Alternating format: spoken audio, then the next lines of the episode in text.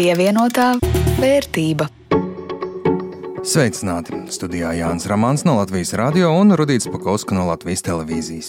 Raidījums pievienotā vērtība par norisēm ekonomikā, naudu, kā to vairot vai ietaupīt. Jā, un šodien par to, kā vairot un audzēt tādu retu parādību kā vienradžus par augsta riska investīcijām, kur jau ieguldot ir skaidrs, ka vismaz katrs trešais ieguldījums būs neveiksmīgs un nauda tiks pazaudēta. Bet pretī iespēja tikt pie brīnuma.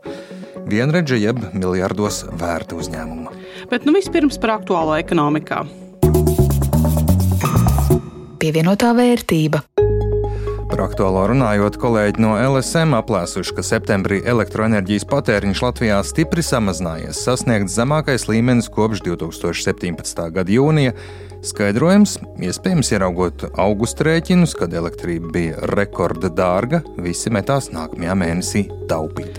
Tagad elektrības cenas biržā nedaudz nomierinājušās, un redzēsim, vai šī taupīšanas tendence saglabāsies arī oktobra datos. Gāzes cena Eiropas tirgos arī atkāpjas no augusta septembra maksimumiem. Var teikt, nu, piesardzīgi labas ziņas. Protams, ar tirgiem ej un sazina, kā situācija attīstīsies tālāk, bet vismaz pagaidām pastarās dienas scenārija izpaliek. Eiropas Savienībai izdevās arī vienoties par kā viņi paši sauc ceļa karti, kā pasargāt Eiropas patērētājus no pārmērīgi augošām energocenām. Man gan lasot par panākto tā ceļa karti, likās, ka Eiropas valsts ir vienojušās, ka kaut kas ir jādara, bet nu, tieši kas tur tās vienprātības ir stipri mazāk. Ciniskā puse liek teikt, vienojās, ka vienosies, izdiskutēja, ka diskutēs. Nu, redzēsim. Bet nākamais īpaši svarīgi tiem, kuriem ir eksploatācijā nenodotas mājas no oktobra ēkām, kuras nav nodotas eksploatācijā jau kopš 2014. gada, varēs piemērot stipri paaugstinātu nekustamā īpašuma nodokli. Daļa pašvaldību gan apžēlojušās un termiņu pagarinājušas, bet jebkurā gadījumā garumā vilkt nedrīkst. Noslēgumā vēl kāda ziņa, kas daudziem lika saraukt uz acis. ASV Domnīcas apkopojumā par OECD valstu nodokļu sistēmām Latvijas atzīta par otru konkurētspējīgāko. Kā norāda paši reitinga autori, viens no plusiem Latvijai ir tas, ka, piemēram, ienākumu nodoklis uzņēmumiem tiek piemērots tikai sadalītajai peļņai. Jā, uzņēmumu peļņai jau labi nodokļi, bet, ja vērtētu tikai darba spēka nodokļus, tad iespējams tā aina un reitings jau būtu stipri savādāks. Vēl kritiskāk tiek novērtēti patēriņa nodokļi.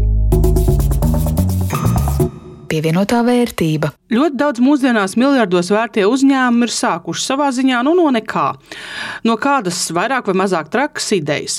Mūsdienās šādus uzņēmumus, jeb jaunu uzņēmumus, startupus ar iespējams lielu nākotnes potenciālu cenšas atrast un radīt neviens vien. Un šo kultūru atrast, meklēt, atbalstīt šādus uzņēmumus Latvijā jau gadiem veicina, kā man teikuši paši jaunu uzņēmumi, šīs kustības aizsācējs Latvijas startup vidas eksperts un investors, Change Ventures partneris, kā arī TechHub Rīga līdzdibinātājs un valdes loceklis Andris K. Bērziņš. Aicināja viņu uz sarunu, lai saprastu kā šo jomu pēdējos pāris gados ir mainījusi un ietekmējusi gan pandēmija, gan karš Ukrainā. Nu, tas ir noteikti ietekmējis, ko mēs redzam tirgu, ir, ka ļoti lielie darījumi, kas ir mērājami desmitos vai simtos miljonos, ir būtībā apstājušies pagaidām, un mazākas investīcijas tur, tā, tā teikt, zem kaut kādiem desmit miljoniem noteikti lēnāk, un investori daudz piesardzīgāk. Būtībā manā industrijā tā saucamie iespēja kapitāla investori, venture capital fondi, viņu mērķis ir ieguldīt uzņēmumos, kuri varētu izaugt strauji, jo viņi ir mērogojami jauni uzņēmumi, kas varētu izaugt strauji daudz lielāk un vērtība varētu paaugties daudz. Tās nav investīcijas, lai meklētu dividendes, tās investīcijas uz, uz vērtības pieaugumu. Pēdējos divos gados bija diezgan daudz gadījumu, kuros uzņēmumu vērtība, tīpaši tie saucamie vienraģi, kuriem ir lielāka par miljardu vērtība, šī vērtība daudz, tā teikt, viņi skrēja pa priekšu uzņēmumu spējai ģenerēt apgrozījumu. Tā bija jau skaidrs, man jau kādu laiku ir skaidrs, ka būs kaut kāda, nezinu, nesauksim to par krīzi, bet cenu pārvērtēšana. Tāpēc arī mūsu fondā mēs diezgan piesardzīgi attiecībā uz cenām bijām. Un šis brīdis ir pienācis. Savā ziņā apdedzinājušies. Jā, apdedzinājusies. Jā, tā kā, teiksim, ja es runāju ar fondiem, kas ir lielie, lielie investīciju fondi uz ļoti lieliem raundiem, nu, būtībā viņi Šobrīd, kas notiek, ir viņi saviem investoriem, kas ir devuši viņiem kapitālu investēt, viņi iet atpakaļ un viņi viņiem skaidro, kāpēc viņi ieguldīja kādā uzņēmumā, kas bija nu, it kā vērts miljardu, bet tagad viņi norakstījuši pusvērtību vai pat divas trešdaļas, un viņš tagad tikai īstenībā ir vērts pus, pusmiljardu vai uh, 300 miljonus. Tā ir skarba saruna, ļoti skarba. Un ko tas nozīmē, ir, ka viņi tagad viņu investori uz viņu jaunām investīcijām skatās ļoti uzmanīgi, un tā kā visi ir vienkārši piebremzējuši, un visi gaida saprast, kur nonāks, teiksim, tirgus vērtība dažādiem uzņēmumiem, un tāpēc viss tirgus ir nobremzējies. Jūs līdz šim runājāt par miljoniem un miljardiem. Latvijas mērogam arī tas ir atbilstoši. Ja... Tas, ir, tas ir noteikti atbilstoši, un par to ir svarīgi domāt, jo Iespēja kapitāla fondi ir ļoti dīvains biznesa modelis. Tas, kur es strādāju, Change Ventures, sauc, saucās, mēs esam sēklas fonds.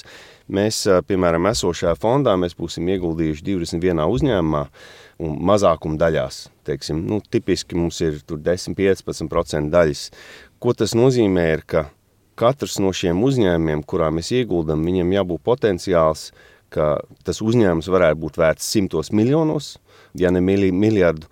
Jo, ja neviens no viņiem nav tāds, tad es nevarēšu investoriem atdot labu atdevu. Jā, nu, patiesībā tāda noticēšana idejai, un ka viens no tā 21, ko jūs minējāt, nu, būs tas, kurš Jā. izšaus un atpelnīs varbūt to, ka pārējie 20 cieši neveiksmi. Tieši tā, tieši tā, un teiksim, tie investori, kas ieguld manā fondā, saprot, ka mūsu aprēķins ir, ka te trešdaļa vai vairāk no investīcijām mēs norakstīsim uz nulli ka ne, nesanāks. Tas nenozīmē, ka komanda nebija laba, tas nenozīmē, ka tirgus nebija liels, bet kaut kas nesanāca, jo tas ir kaut kas ļoti grūts, ko viņi mēģina darīt. Un, um, bet pats svarīgākais ir nevis ideja, bet komanda. Ja, šo ir ļoti svarīgi uzsvērt. Izšķirošais nav ideja. Ideja ir svarīga. Tev vajag būt kaut kādai idejai un kaut kādam mērķim, uz ko tu strādā, bet izšķirošais ir komanda. Kas ir tas, kas nesanāk? Nu, parasti jau labi mācīties no tām kļūdām. Jā, jā, jā. Nu, nesanāk daudz kas. Ir lietas, kas nesanāk, kuras ir komandas kontrolē, un ir lietas, kas nesanāk, kuras ir ārpus komandas kontrolas. Ārpus komandas kontrolas ir pasaules tirgus dinamika kaut kāda mainās, tev parādās jauns liels konkurents vai nezinu kāds liels gigants, nu, leģendāri Google vai Facebook nolem, kad tavs tirgus ir interesants un iemet tur mega naudu un ar teviem konkurē. Var arī būt tā, ka kaut kas notiek kādam no dibinātājiem, vai nu kaut kāda ģimenes apstākļi, viņi, viņi aiziet prom un tev vairs nu, tev nav tie jaudīgie cilvēki klāt.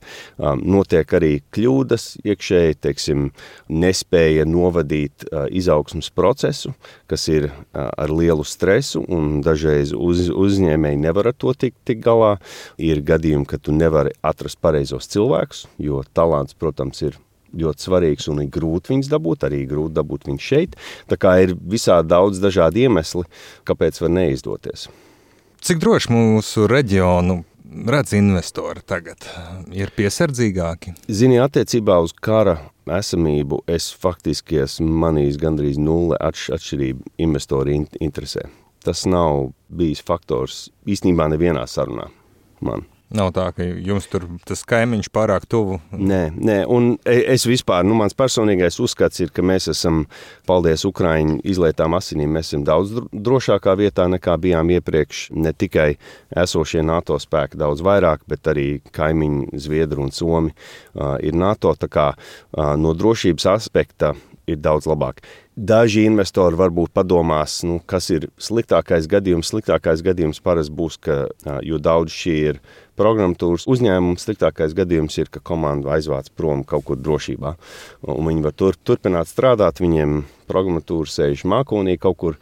Tā kā, jā, ir tādas, kuriem ir ražotnes, tas, protams, ir daudz sarežģītāk, bet, bet es teiktu, ka manā jomā vismaz karš nav īpaši ietekmējis. Par nu, tiem, kam ir kaut kādas idejas, prasmes, komanda. Uh, nu, tas uzreiz automātiski nenozīmē, ka kāds uh, ir gatavs dot jums naudu un aiziet un atbalstīt. No tā uzņēmēja puses skatoties, visa nauda laba.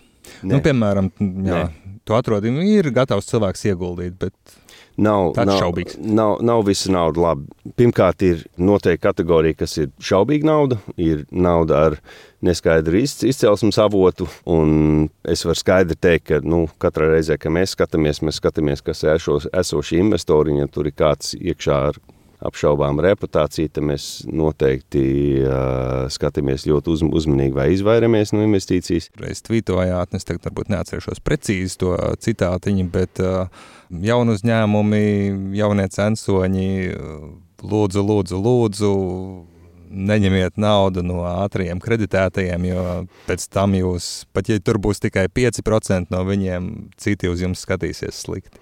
Nu, es domāju, ka es neteiktu, ka jebkurš ātrā kredītu uzņēmējs ir slikts investors. Tā nav, ir, ir, ir arī labi. Bet viens ir asociācija, kas nāk līdzi, ar ko jārēķinās, un ir konkrēts, varbūt tas, uz ko es vairāk nor, norādīju, ir, ka tieši no ātrā kredītu jomas ir daži investori Latvijā, kuri, manuprāt, neizprot uzņēmumu izaugsmas procesu un kapitāla struktūru, kas ir vajadzīga, lai viņš būtu veiksmīgs. Ar vārdu sakot, ja tev izaugsmē vajadzēs atkārtot piesaistīt kapitālu, tad tev atšķaidīsies dibinātāja daļas atkārtoti, un ja pirmais investors tur saņem 30, 40 vai vairāk procentus, tev vienkārši nākamie investori, kā es, paskatīsies, pat ja ir interesanti teiks, ziniet, nebūs. Parunāsim par tiem vienreģiem, kas lēni aug šobrīd Latvijā. Nu, redzat tādus, kas varētu nu, tuvākajā vai mazliet tālākā laikā izaugt par, par, par pārsteigumiem, vienreģiem, varbūt par kuriem mēs nemaz šobrīd nemaz nezinām, kas tie tādi ir, ar ko nodarbojas. Es noteikti redzu, un es domāju, ka būs vēl daudzi. Un faktiski mūsu reģions ir tas iemesls, kāpēc viņi radīsies šeit. Ir mūsu reģions ir diezgan unikāli situēts, lai šī veiksme būtu. Tas, kā es aprakstu visas Baltijas valsts saviem investoriem, kur naudu es piesaistu savā fondā, ir mēs esam līdzīgi tā kā Izrēla. Mēs esam tā kā nākamā Izrēla, jo mēs esam mazas valstis ar mazu vietējo tirgu, ar labām tehniskām zināšanām, ar labu angļu valodu. Un šīs mazās komunas, kuras mums ir, mazās ekosistēmas, nozīmē, ka zināšanas un kapitāls no veiksmīgiem gadījumiem daudz ātrāk nokļūst nākamajos. Un tas nozīmē, ka šis reģions es uzskatu, būs ļoti veiksmīgs, un mēs varam daudz mācīties no Izraels un atkārtot šo veiksmu stāstu. Un Igaunijā viņš ir veiksmīgāks līdz šim tikai dēļ sakritības, ka viņiem bija Skype.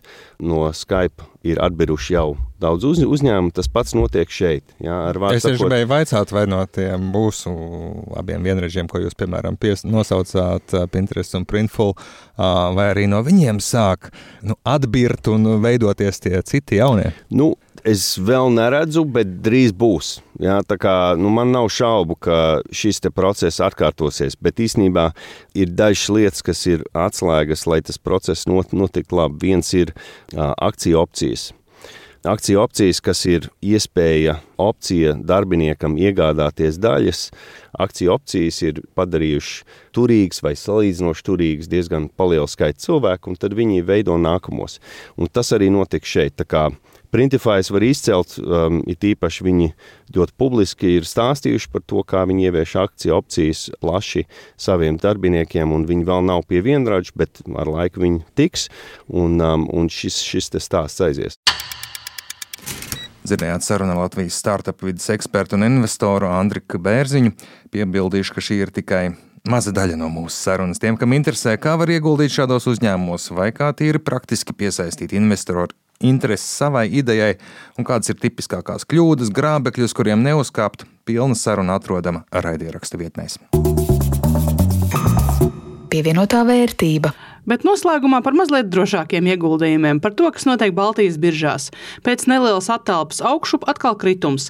Kopējais Baltijas biržu indeks saruka par 1%. Ja tā sīkāk, tad Rīgas biržā aizdītā nedēļa ir ar mīnus 2% zīmi, viņa turas vislabāk, mīnus 0,23%, savukārt Tallinas biržas indeks stāv pa vidu kritums par 1,2%. Manā portfelī gan pagājusī nedēļa nav bijusi nemaz slikta.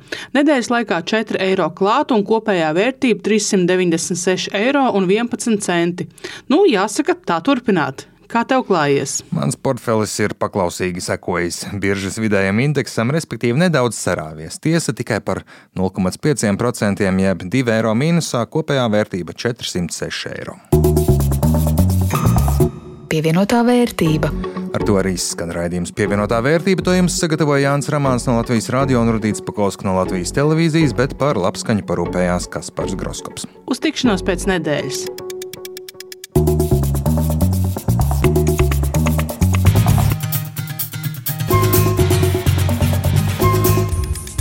Pievienotā vērtība.